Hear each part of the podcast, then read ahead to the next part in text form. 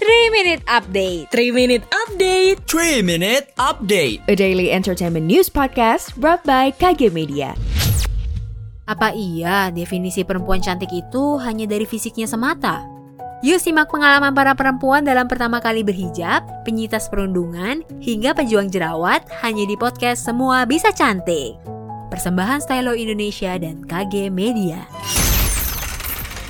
Moon Jae-won dan Lee Ji-hoon bintangi film Audio Floor. Prilly Latukonsina tampil menawan kenakan kain tenun Sumba Timur dan dituding lakukan penipuan investasi dan patungan usaha, Ustadz Yusuf Mansur sebut kasus ini muncul karena ada dendam dari seseorang. Selengkapnya kita rangkum di 3 Minute Update pada hari Jumat 17 Desember 2021.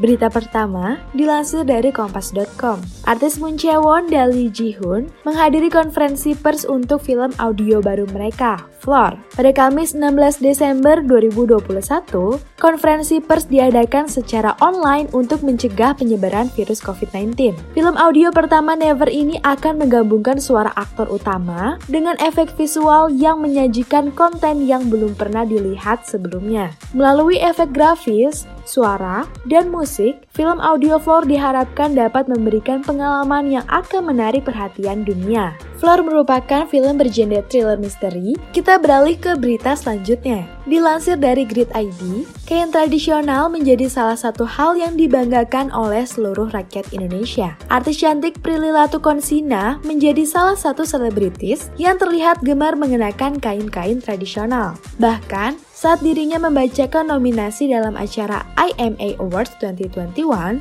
Prilly Latukonsina terlihat mengenakan dress yang dipercantik dengan kain tenun asal Sumba Timur. Dan ternyata, penampilan unik Prilly Latukonsina tersebut dibantu langsung oleh desainer ternama. Dan yang terakhir, dikutip dari Grid ID, Ustadz Yusuf Mansur klarifikasi terkait penipuan investasi pembangunan hotel dari patungan usaha. Dalam Instagramnya, Ustadz Yusuf Mansur mengatakan bahwa persoalan ini sudah pernah ia sampaikan. Ustadz Yusuf Mansur juga menduga dari kasus ini ada yang ingin menjatuhkannya. Karena kasus ini bukan untuk pertama kalinya terjadi pada Ustadz Yusuf Mansur. Selain itu, Ustadz Yusuf Mansur juga menceritakan bahwa ia sempat berkenalan seseorang pada tahun 2005. Namun muncul sebuah konflik terkait pemberian sedekah. Pada 2005, seseorang disebut memberikan mobil kepada Ustadz Yusuf Mansur sebagai sedekah. Sekian 3 Minute Update hari ini. Saya Zahra Fadilah pamit.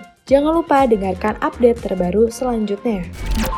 Sekian update pagi ini. Sampai ketemu di 3 Minute Update selanjutnya.